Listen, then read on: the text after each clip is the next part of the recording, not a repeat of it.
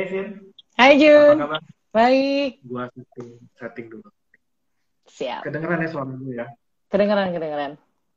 Oke, masih WFH, Vin. Masih, masih, masih. WFH. Kalau kantor di daerah mana ya? Di, Kan kita baru pindah di daerah Blok M. oh di Blok M. Ke, ke- dekat rumah lah ya. Deket rumah, deket banget. Oke, Vin.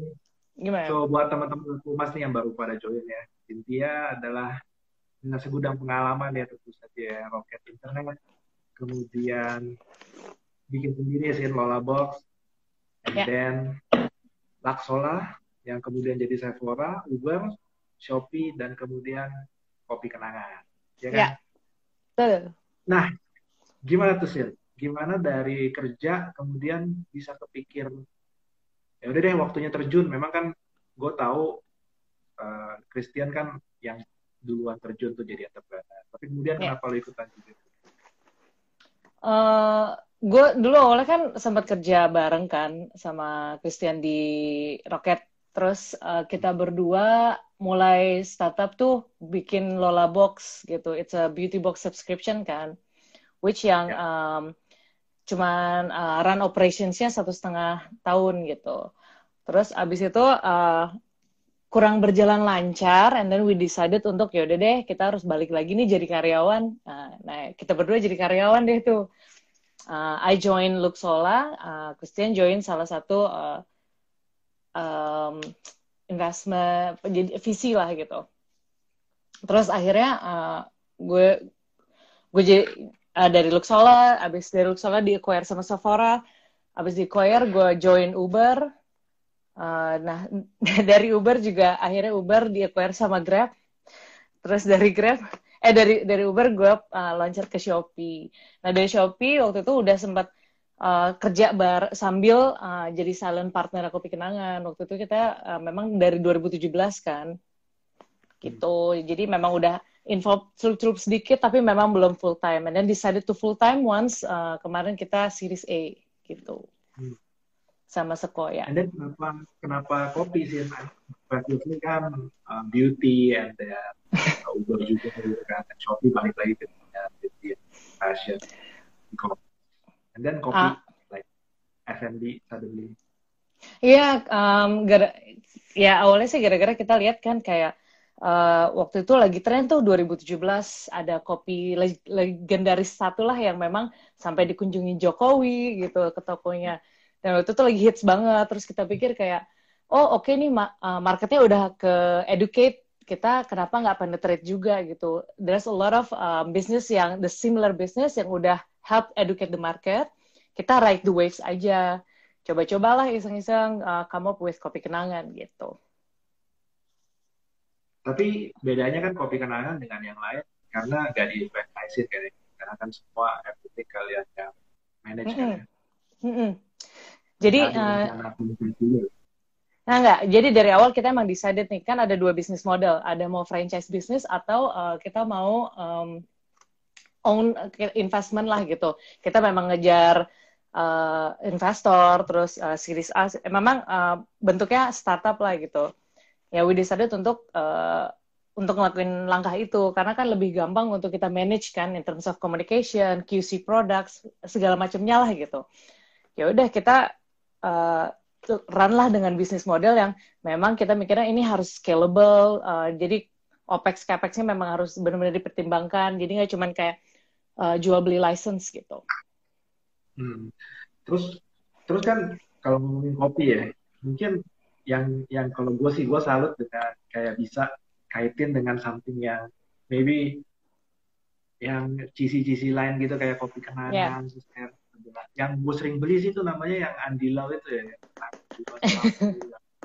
teh sama kopi tuh, tuh. iya, iya. Iya, iya, itu itu Eh, kan lu dengan dua partner cowok tuh. Nah itu biasa ideationnya tuh dari dari lu apa dari mereka Uh, awalnya dari ad. Jadi nama kopi kenangan tuh dari ad, terus konsepnya juga uh, ad bilang kayak, oh yang lain tuh namanya uh, very unique ya. Jadi uh, gimana nih kita kan memang visinya tuh memang gede.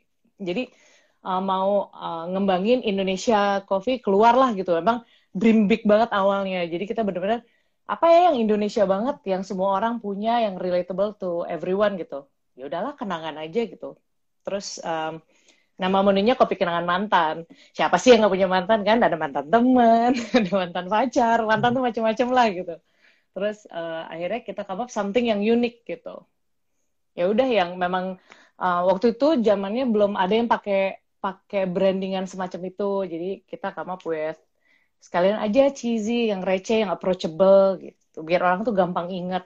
And it turns out it works karena uh, for the first uh, satu setengah tahun kita dua ya dua tahun bahkan dua tahun kita nggak ada marketing budget. I see. Ya. Jadi basically operation budget and then rely on virality-nya itu ya. Iya, jadi kita benar-benar cuma expansion aja biar uh, basicnya itu brandingan juga kan ada di mana-mana gitu. It's a advertisement juga, cuman kita nggak ngelakuin kayak anything beyond that on marketing lah jadi grow organic waktu itu. I see. Terus kalau dari kalian sendiri sebagai founders of Kopi Kenangan, sebetulnya arahnya tuh mau dibawa ke mana sih? Apakah cukup di Indo aja? I mean, kan we we know that from the news you guys have been doing series B, yeah. also big names have joined the band, right? Uh, Eduardo lah, terus ada kan uh, Jay-Z ya, Jay-Z yang yeah. karena Ranger ya, right? Yeah. Dan Sekwa. What what's the plan? Um, the plan memang uh, awalnya kita memang kalau awalnya pengen bikin scalable business saja di Indonesia, jadi kayak throughout dari Sabang sampai Merauke tuh ada lah gitu. That's the first uh, mission. Terus uh, eh, ternyata tractionsnya lumayan kan di Indonesia sendiri. Bahkan kita udah buka di Palembang di Medan segala macam tuh uh, ada gitu minatnya. Terus kita mikir kayak uh, why not we go further uh, even kayak penetrate Southeast Asia market. That's the plan. Jadi kita akan tapin uh, 2 sampai tiga negara di Southeast Asia buat expanding gitu. That's uh, the the dreams that we are aiming right now Oh, I see, I see. Jadi ada, ada ya. memang ada plan untuk go regional ya? Ya. Dan juga apakah ketika lu go regional nanti namanya gimana tuh? Maybe kan someone di luar nggak gitu relatable dengan yang yeah. something yang relatable di. Itu itu masih rahasia. okay. tapi kita lagi ngegodok hal itu sekarang karena memang menurut kita uh, kopi kenangan is hard to pronounce buat uh, lidah orang luar kali ya. Takutnya orang kopi kenanjan lah atau uh, seperti apa. Itu yang lagi kita godok sekarang how are we going to do the branding sama message-nya seperti apa. Karena kan gak semua message uh, karena brandingan yang kita sekarang itu lebih uh, cocok buat orang Indonesia gitu. Yang receh yang approachable itu belum not necessarily itu uh, bisa di applicable di negara lain kan. So we have to have a neutral message sama brandingan. Nah itu yang kita lagi uh, godok sekarang. I see, I see. Mm -hmm. Tapi kalau sebetulnya kan sebetulnya bisnis kopi itu I can say that uh, everyone's business ya. Yeah. Maksudnya tetangga ada yang bikin warung kopi ya kan, yeah. ada kafe bukan zaman dulu, right? Nah kalau menurut menurut lo sendiri ya, sebetulnya bisa sukses begini, key success factormu menurutmu apa ya? Yang mungkin juga bisa menginspirasi orang lain yang juga punya usaha kopi gitu lah ya atau atau katakanlah yeah. baru mau usaha FFB gitu.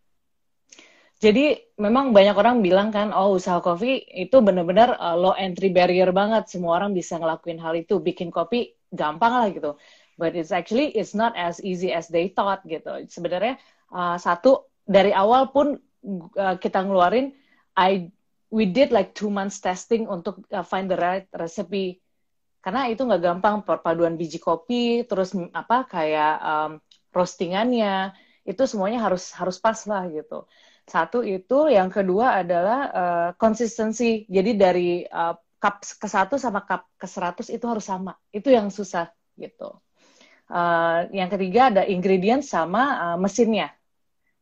Jadi ingredientsnya memang uh, harus benar-benar itu kita QC-nya cukup ketat dari biji kopi, gula aren, uh, susu. Nah, uh, bahkan es batunya itu komposisinya emang harus pas gitu. Uh, makanya key sukses uh, faktornya lebih ke konsisten in product uh, producing cup pertama sampai cup ke seribu tuh harus sama itu yang agak challenging sih apalagi kalau kita expanding kayak sekarang udah udah uh, 300 lebih toko itu yang uh, even kita aja masih masih uh, benar-benar keep apa improving the QC process, QA process kayak gitu-gitunya. Konsistensi ya. Yeah. Itu kan konsistensi itu we're dealing with the people kan, the team kan. Yes. Apalagi kan what I know adalah kalau kopi kenangan dibikinnya di lokasi toko masing-masing kan. Betul. Uh, mixing itu kan. Um, Betul. Nah itu gimana? Cara kalian maintain that consistency across people? Uh, itu banyak hal yang kita lakuin sih. Salah satunya adalah mystery shopper. Nah, mystery shopper ini dia punya checklist. Dia akan visit. Uh, kita punya banyak banget mystery shopper yang akan visit setiap outlet. Dan itu random visit gitu. Dan uh, orang um, tim outlet kita tuh nggak ada yang tahu who who are who are they gitu. Siapa aja nih yang mystery shoppernya. Jadi uh, at the end of the day kita selalu collect data gitu dari mystery shopper, dari service, dari rasa produknya, dari uh, packagingnya rapi atau enggak, semuanya kita kita uh, measure gitu, kita tracking. I see. Gitu. I see. Makanya makanya bisa jaga kualitas ya. Karena kan memang kalau, kalau gue sih gue kan memang customer kopi nih. Kalau menurut gue sih konsisten antara satu tempat dengan tempat lain biar Andi Lau gue tuh ya kayak gitu. itu challenging loh. Jadi good job nih. Iya, su uh, agak susah tapi ya itu harus dilakuin sih memang. Uh, gitu. Nah kalau kalau kita lihat kan di dunia ini, let's say ada beberapa chain lah ya, dari yang hmm. established hmm. kayak yang gambar nautical itu, terus juga ada benchmark juga di China, right? Yang, yang yep. biru itu gitu kan. Nah, kalau kalian tuh sendiri benchmarking atau melihat melihat kopi kenangan itu sebetulnya apakah mengacu ke mereka atau udah punya visi sendiri gitu? Maksudnya, oh enggak lah, kita beda kita arahnya. Kalau kalau kita sih dari sisi branding dan sama service kita mau kayak yang um, yang hijau gitu. Jadi memang konsisten, excellent service, um, itu benar-benar kita aimingnya ke dia. SOP-nya seperti apa, uh, gimana cara mereka nerapinnya supaya uh, kuat gitu brandingnya. Karena mereka has been like in the market for how many years gitu, and they've been doing this consistent kan. Tapi kalau untuk hmm. growth, mungkin untuk yang sebelah tanpa ada uh, without the issues lah gitu. Tapi growthnya kayak yang sebelah gitu yang dari China. Ya. Tapi kan yang di China itu beda ya. Mereka kan sebetulnya lebih melayani sitting in juga ya. Maksudnya kalau kalian kan benar-benar grab and go sih. Kalau ya. kalau konsep paling. Ya. Memang kita akan konsisten dengan grab and go itu ya. Iya, konsep kita memang grab and go. Jadi benar-benar uh, karena kan dari bisnis modelnya sendiri uh, semuanya di, di benar-benar di measure kayak oke okay, kalau grab and go Berarti kalau kita nggak butuh sitting area, so we can save up on the uh, space uh, rental kayak gitu-gitu. Jadi banyak factors yang kita uh, hitung kenapa kita persis di bener-bener kayak insist di grab and go konsep gitu. Tapi ada beberapa beberapa kota yang memang kita harus adjust sama marketnya. Kayak di kota mungkin uh, tier 2, tier 3 uh, cities tuh kita buka sitting area Gitu. Tapi nggak semuanya. Misalnya kita ada lima outlet, hanya ada satu uh, flagship yang ada sitting area-nya. I see. Gitu. I see. Mm -mm. I see. Nah, kalau yang ngomongin begitu, berarti kalau yang terkait operasional itu pembagianmu gimana ya tugasnya dengan dua Gimana gimana? Juga kamu sempat, tadi kan kamu sempat bilang before before series A belum ada yeah. marketing, right? Belum. Dan apakah ada dengan you full time join last year itu mulai ada marketing atau atau kayak gimana dan juga pembagian tugasnya antara you dengan the other co-founder tuh hmm. siapa yang operation? Uh, pembagiannya memang sesuai skill set masing-masing sama background masing-masing. Waktu itu uh, James lebih ke uh, business development, jadi dia lebih kayak uh, encouraging new business, innovations. Uh, backgroundnya memang di situ gitu.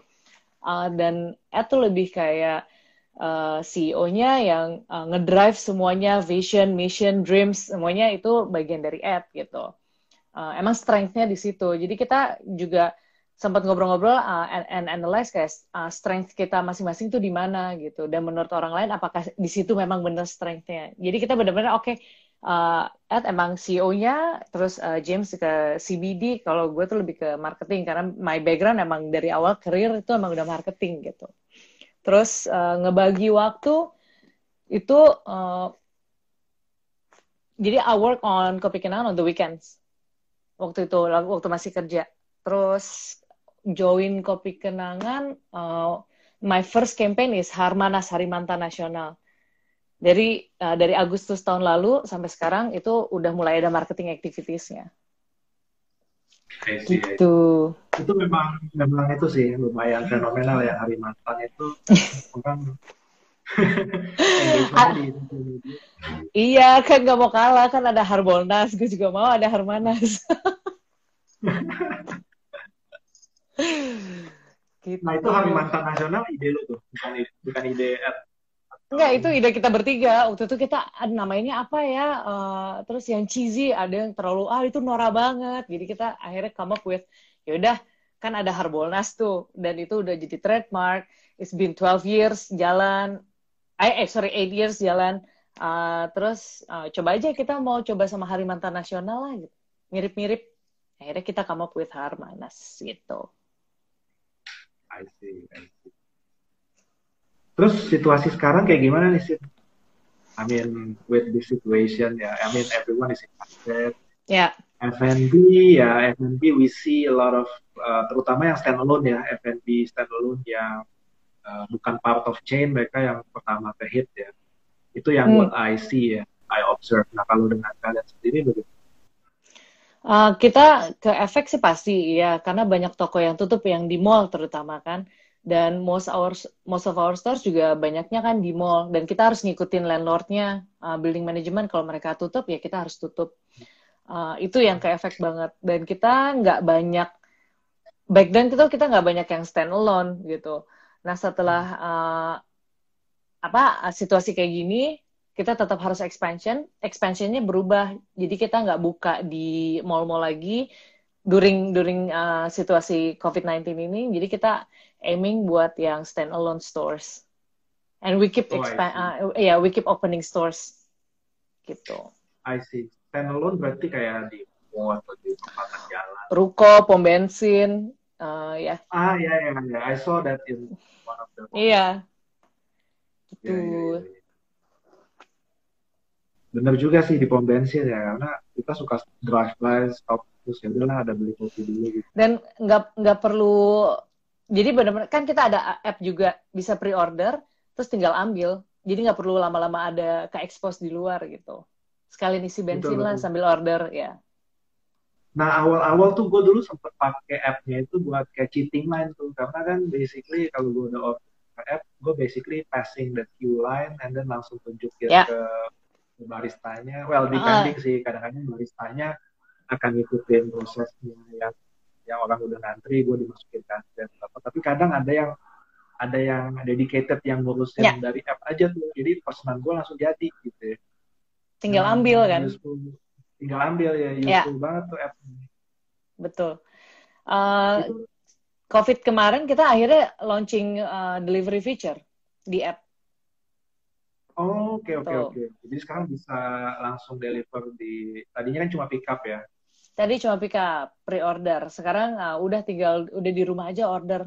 Terus lagi free ongkir lagi. Oke, sekalian promo gue. boleh, boleh. Gue cobain deh, gue belum coba. Karena kemarin ini sejak di rumah gue juga jadi coba-coba bikin kopi sendiri gitu. Terus maksudnya ya. Ya. Ya beli beli beli beansnya sendiri gitu cobain jadi nggak nggak terlalu pesan Iya, uh, Tapi, itu juga ngefek juga sih ke sales kayak uh, tren dalgona kayak gitu kan buat di ah, rumah. Iya, iya, iya. Ya. Makanya kita ya ya nggak apa-apa, we have to adjust aja gitu. I see, I see.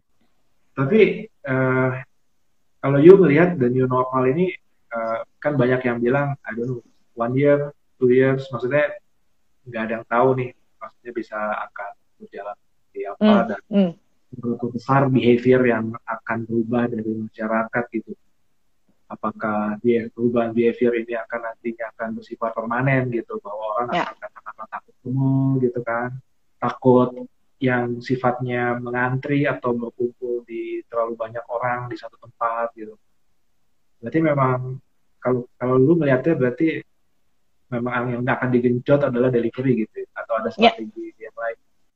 Uh, kita dari delivery juga kita genjot, terus uh, dari pre-ordernya uh, SOP-nya benar-benar kayak kalau emang orang harus ke toko, benar-benar pick up aja, nggak usah antri-antri lagi. Dan walaupun mereka worknya juga kita tetap jalanin, tapi ada ngikutin kayak social distancing. Jadi kalau antri itu harus uh, satu one meter apa, uh, two meters apart kayak gitu-gitu. Itu yang kita SOP yang kita ubah semenjak uh, COVID-19 ini. I see, I see. Mm -mm. Buat teman-teman yang pada join, yang mau nanya silakan ya. Boleh yang nanya buat Cynthia nih. Jarang-jarang kan bisa ngobrol sama Cynthia ya. iya. Kalau kalau kamu sendiri bagi waktunya gimana sih antara pekerjaan and then raising a family ya kan? Oh, ya kan gimana tuh bagi waktu?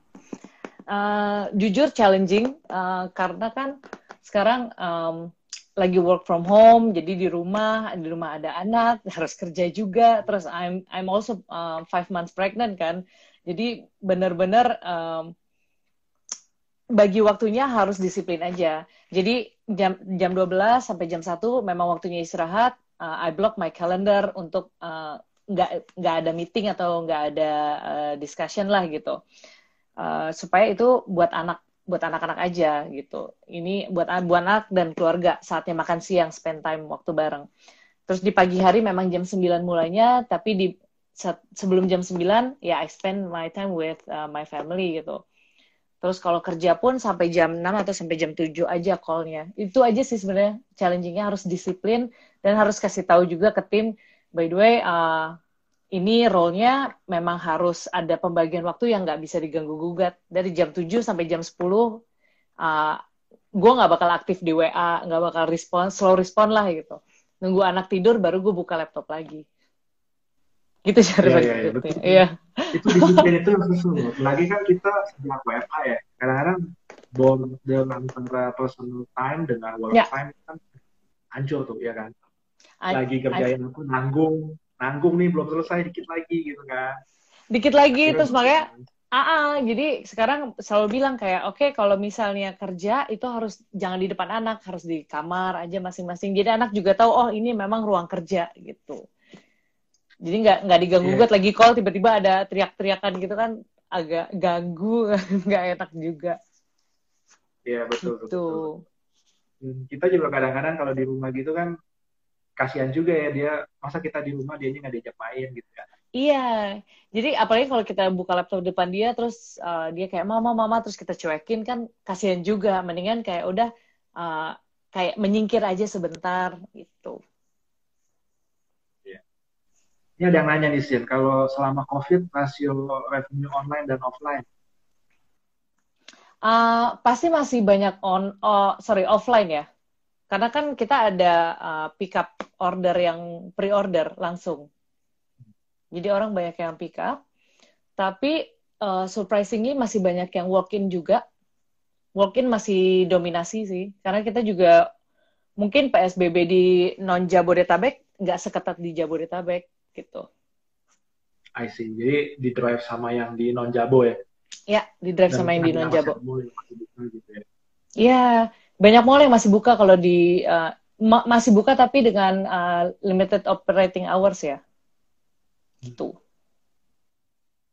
Terus ada yang nanya lagi, kalau strategi ekspansi untuk 6 sampai 9 bulan ke depan. Uh, kan ya. Ada, ada jadi masih kalau strategi ekspansi sih masih ke eh, kota-kota uh, di Indonesia, tapi uh, mungkin lokasinya nggak di dalam mall ya, lebih ke yang stand alone yang kita incar sekarang. I see. Ya, yang stand alone di luar mall yang tadi kita udah bahas. Kan? Betul. Terus ada beberapa karyawan mbak dengan total expansion dan bagaimana handle banyak karyawan. Waktu itu saya lihat di Menara Karya karyawannya banyak banget. Sekarang total um, operation team yang ada di lapangan ada 3.000 karyawan. Gitu. Uh, managingnya masih susah sih memang, uh, tapi kita rotate aja. Jadi uh, ada toko yang tutup, dijadikan perbantuan di toko yang memang masih buka gitu. I see, I see. Kira-kira kalau seiring dengan dengan pandemi, uh, bisnis banyak yang kandas karena urusan karyawan. Kalau di kopi kenangan bagaimana? Mungkin kayak gitu. maksud maksudnya ada ada impact ke katakanlah retrenchment atau ya. bagian yang Uh, kita waktu itu memang komit uh, kita bertiga co-foundernya uh, nggak uh, ambil uh, salary semenjak situasi kayak gini jadi uh, itu untuk perputar uh, untuk make sure kita nggak ada nggak ada yang di let go lah gitu karyawan kita. Dan kita juga uh, make sure mereka uh, untuk toko yang tutup kita alihin ke tempat yang lain gitu. Ke toko yang lain yang masih buka entah nanti dia jadi traffic controller karena kan kalau misalnya di ruko pun di dalam satu ruangan ada uh, hitungan terbatas ya maksimal berapa orang dan itu dia akan ngebantu mungkin buka tutup um, pintu kayak gitu-gitu yang dijadiin kayak lebih fungsional lah jadi kita juga membudidayakan orang supaya nggak nggak masih punya pekerjaan gitu. I see, I see, I see. Dan juga uh, Nah, kalau ini ada, ada yang nanya nih, kalau kalau Mbak, apakah risetnya pakai marketing yang mahal atau riset coba-coba sendiri? Kalau Jeko, eh, merek merek donat, ownernya suka keliling dunia buat cobain donat di satu dunia. Kalau untuk product development ya, berarti researchnya itu lebih kayak uh, kita sering-sering aja rajin-rajin what's going on outside, uh, coba produk dari uh, sebelah, terus kalau di luar tuh lagi tren apa, tren dalgona kayak gitu-gitu yang kita coba. Tapi kalau untuk coba sendiri, biasanya yang coba ya anak-anak, ya tim kita sendiri, enak nggak resepnya. Itu uh, setiap produk launching yang kita lakuin itu testingnya ke, ke tim sendiri sih. I see.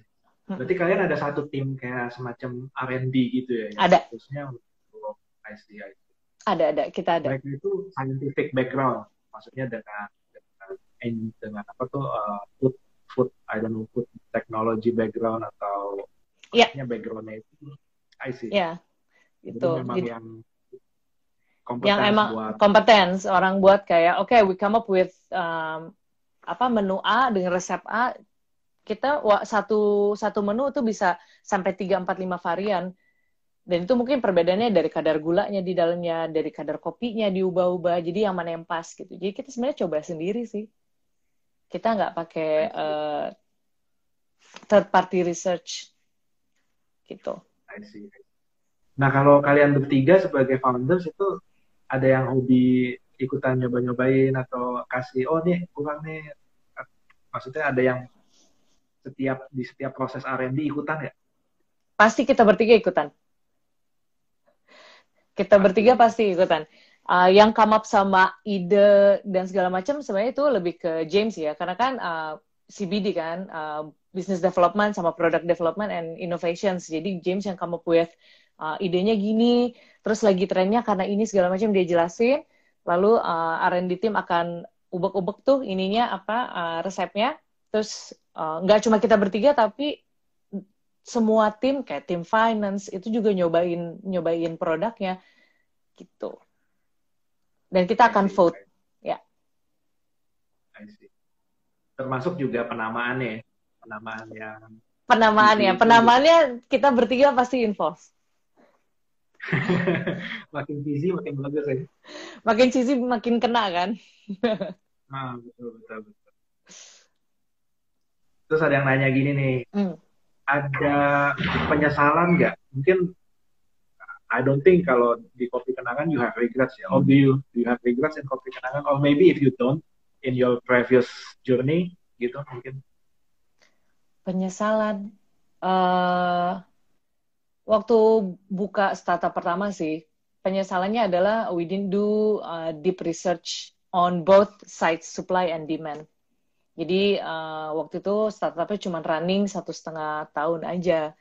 Karena waktu itu kan cuma modal nekat aja, kita nggak bener-bener tahu dunia startup tuh uh, bikin startup tuh seperti apa. Jadi bener-bener um, bold moves dan ternyata kita belajar.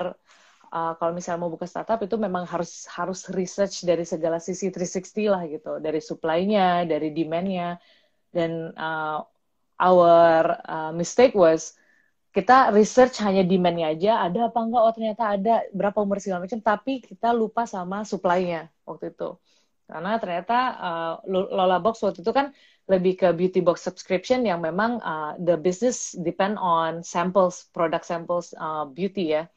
Dan the problem was uh, import jadi import ekspornya tentang samples tuh nggak nggak selancar di luar gitu karena kita di sini harus hmm. ada uh, BPOM walaupun itu sample products BPOM takes a while nah itu yang akan uh, jadi penghambat jadi kita nggak nggak taking into account we have a lot of demand tapi supply kita malah nggak ada. I see. Nah kalau dari pengalaman ex profesionalmu itu dengan berbagai tech companies ada regret atau malah jadi learning learning dari mana yang menurutmu paling berpengaruh shaping your your current state with COVID-19? Um, learningnya lebih waktu itu lebih banyak belajar di Uber sih karena uh, I was there for over three years. Terus uh, di situ benar-benar di, dibuka matanya, hey, by the way you're not working alone. Uh, ada tim dari SF, ada tim dari seluruh kota yang ada Ubernya. You can actually contribute, bisa tukeran ide. Dan itu yang ngebuka wawasan, buka network.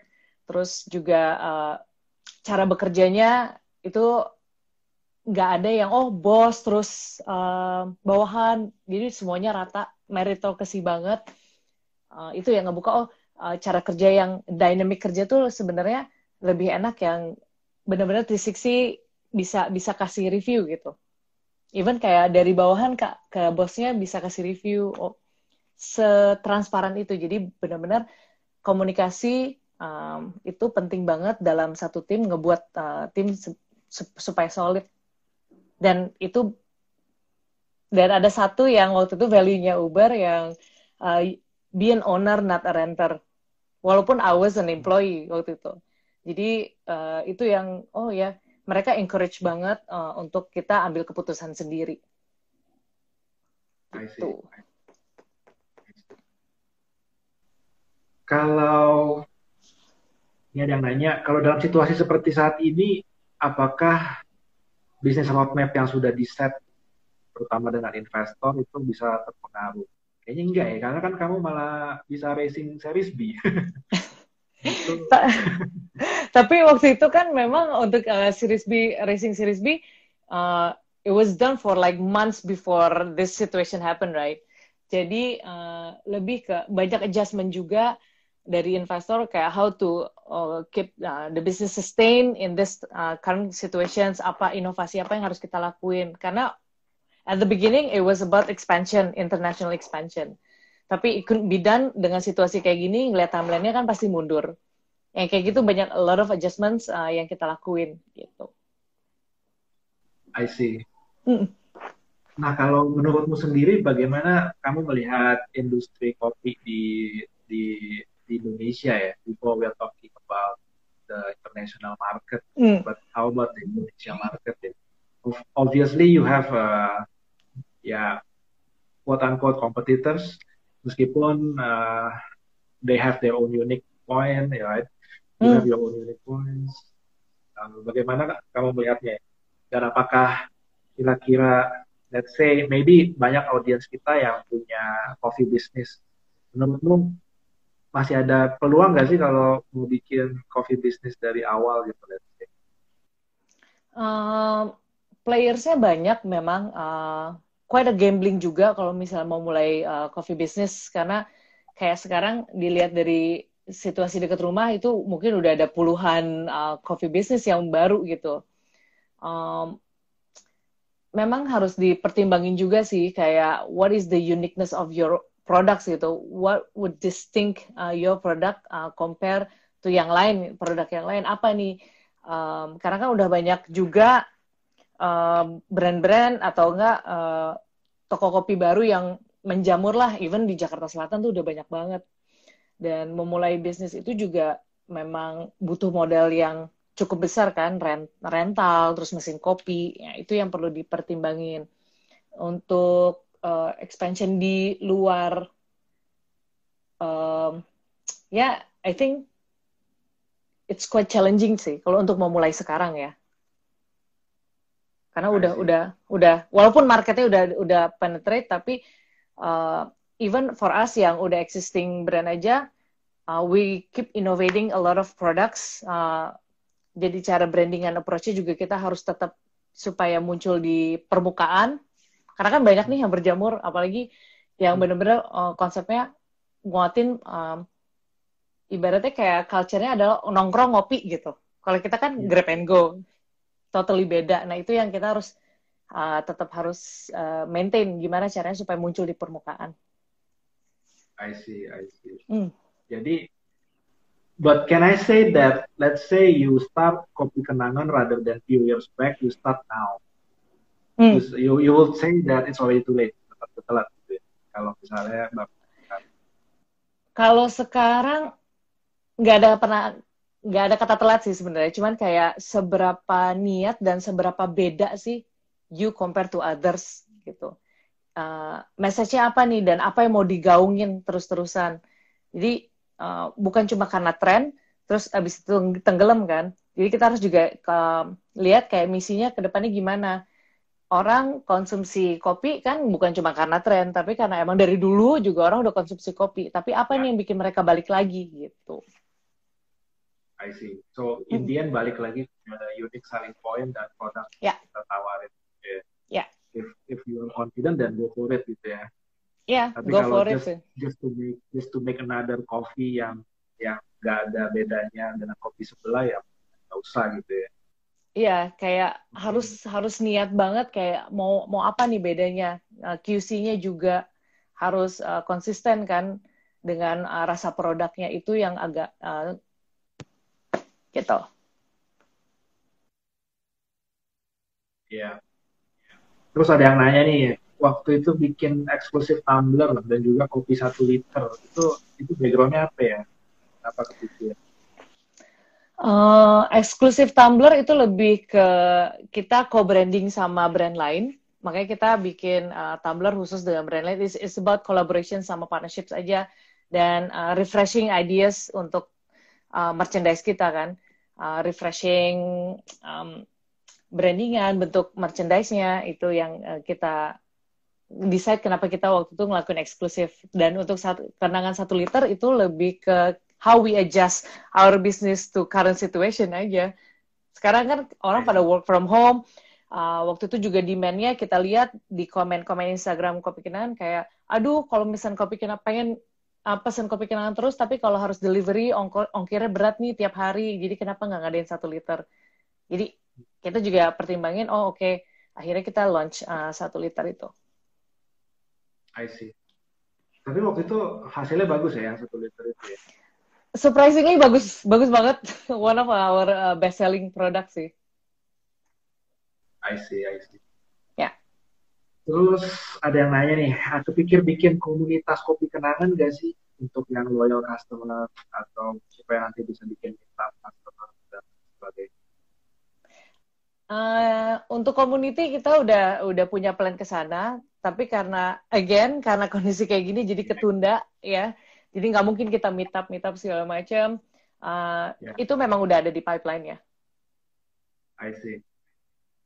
Terus kalau untuk bikin usaha kopi perlu biaya yang banyak kayak keluarkan biaya yang banyak?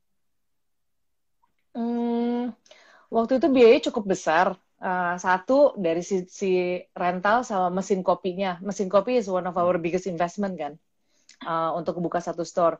Terus uh, juga kita mikir uh, orangnya, uh, baristanya kan harus di training on how to use the hmm. coffee machines kayak gitu-gitu. Itu hmm. ya memang cukup besar sih to start that? Besar ya. To start with the scale, right? With the scale, ya. Yeah. Kalau cuma kalau cuma buka depan rumah ya. Ya bisa, nggak nggak perlu bayar rental kan? Iya iya. Iya, tergantung dari goalnya. goalnya mau kayak humble terus uh, humble coffee shop yang cuma di rumah uh, usaha rumah itu mungkin bisa di start dengan yang kecil cuman uh, kalau visionnya goalnya adalah mau scalable ya harus pertimbangin juga sih modalnya I see. Ya. Jadi kalau di negara Southeast Asia yang lain, I don't know ya. Maksudnya apakah tren kopinya lebih advance dari Indo atau behind Indo sih? Kalau Southeast Asia ya. Southeast Asia ada yang lebih advance, um, ada yang um, sama, terus tapi ada juga yang kayak Vietnamese coffee kan itu drip udah terkenal hmm. banget kan, jadi they're very strong, the local uh, very have a have a strong opinion about it, apalagi untuk uh, menerima kopi baru gitu dari negara lain.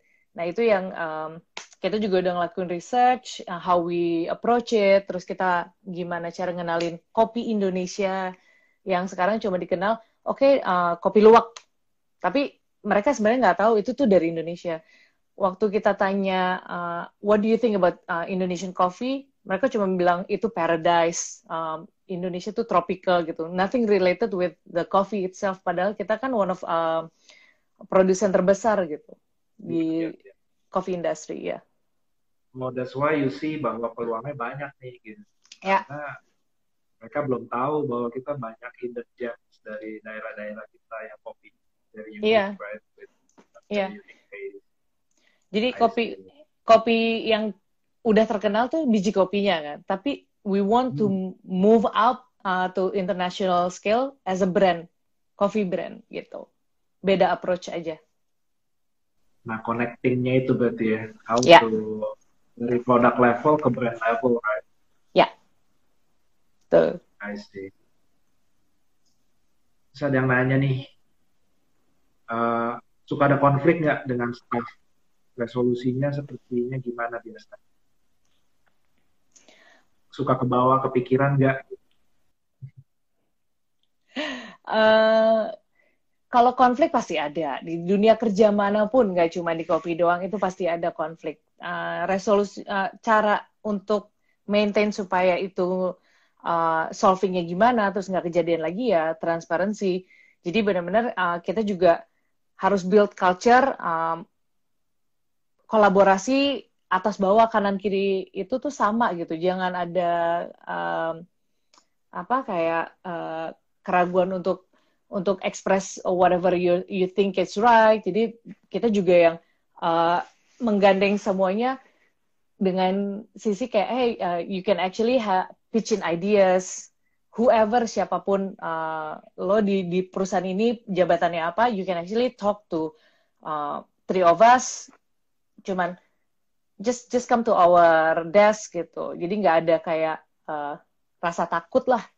Benar-benar keterbukaan. Even uh, kita bertiga duduk bareng-bareng sama semua employee. Jadi nggak ada kayak kayak stratanya lah istilahnya gitu. I see. Jadi you with the other co-founders nggak pernah ada maksudnya kalaupun ada konflik bisa diselesaikan dengan transparansi itu ya? Iya iya. Harus ada kalau komunikasi two way kalau dengan investor? Kalau dengan investor kita raj, uh, cukup rajin buat kayak report terus if uh, kalau kita stuck di suatu hal kita juga discuss. Mereka biasanya uh, mereka kan juga ibaratnya jagoan di bidangnya dan mereka bisa kasih kita advice gitu. Memang lebih ke komunikasi sih komunikasi itu harus lancar. I see. Tuh. But I think uh, kopi kenangan is one of the better performer lah ya dibandingnya I think uh, most most startups company kan right at the moment fight facing difficulties ya. Uh, cukup lumayan, cuman cukup digenjot juga sama investornya. uh, cukup diteror, jadi ya um, ya kita memang ngerti juga sih because they they put money on us, we have to be able to kayak show that we work, the the business works Terus kita juga tetap innovating biar uh, keep the business running even during the situations. Apa nih inovasi yang kita lakuin kayak gitu-gitu. Nah itu gimana tuh kan kadang-kadang I know investors ya biasanya kan uh, they, they want to see growth. Well either way kan, either hmm. growth or uh, earnings right. So kalau yeah. belum ada earnings growth, kalau belum ada growth ya harus jadi cash cow either either one. Nah, hmm. Kadang-kadang kan demi seeking growth, I don't know, maybe uh, by, maybe they are suggesting, they will suggest some things yang menurut kalian the management uh, actually kurang fit, let's say, to to be implemented. Itu gimana cara kalian supaya merubah, eh itu nggak cocok tuh gitu, nggak cocok diterapin di Indo, gitu kan? Uh -uh. Kalau kita, um, well, we think that we have a very strong opinion Uh, karena kita juga mikirnya kayak satu customers first, dua employee, ketiga baru investors. So they can give us advice, but the one who decides is still uh, uh, the management gitu. Jadi uh, they they can give us advice, target segala macam. Tapi kalau nggak cocok, we can we can say uh, politely decline sambil kasih solusi. Hey, by the way, that, that's not the solution that we think is right. Uh, I think kita juga punya yang uh, because we know the market I think we, this suits best jadi kita nggak cuma decline aja but we give like a solutions gitu options yang mereka juga comfortable with ya yeah. nah dengan makin banyaknya investors joining on board how, how many times you allocate to to interact with them ya because uh, they must be seeking some time right I mean, they want to see yeah. the the business driver they want to learn they want Yeah. Yeah, right. Yeah. How do you uh?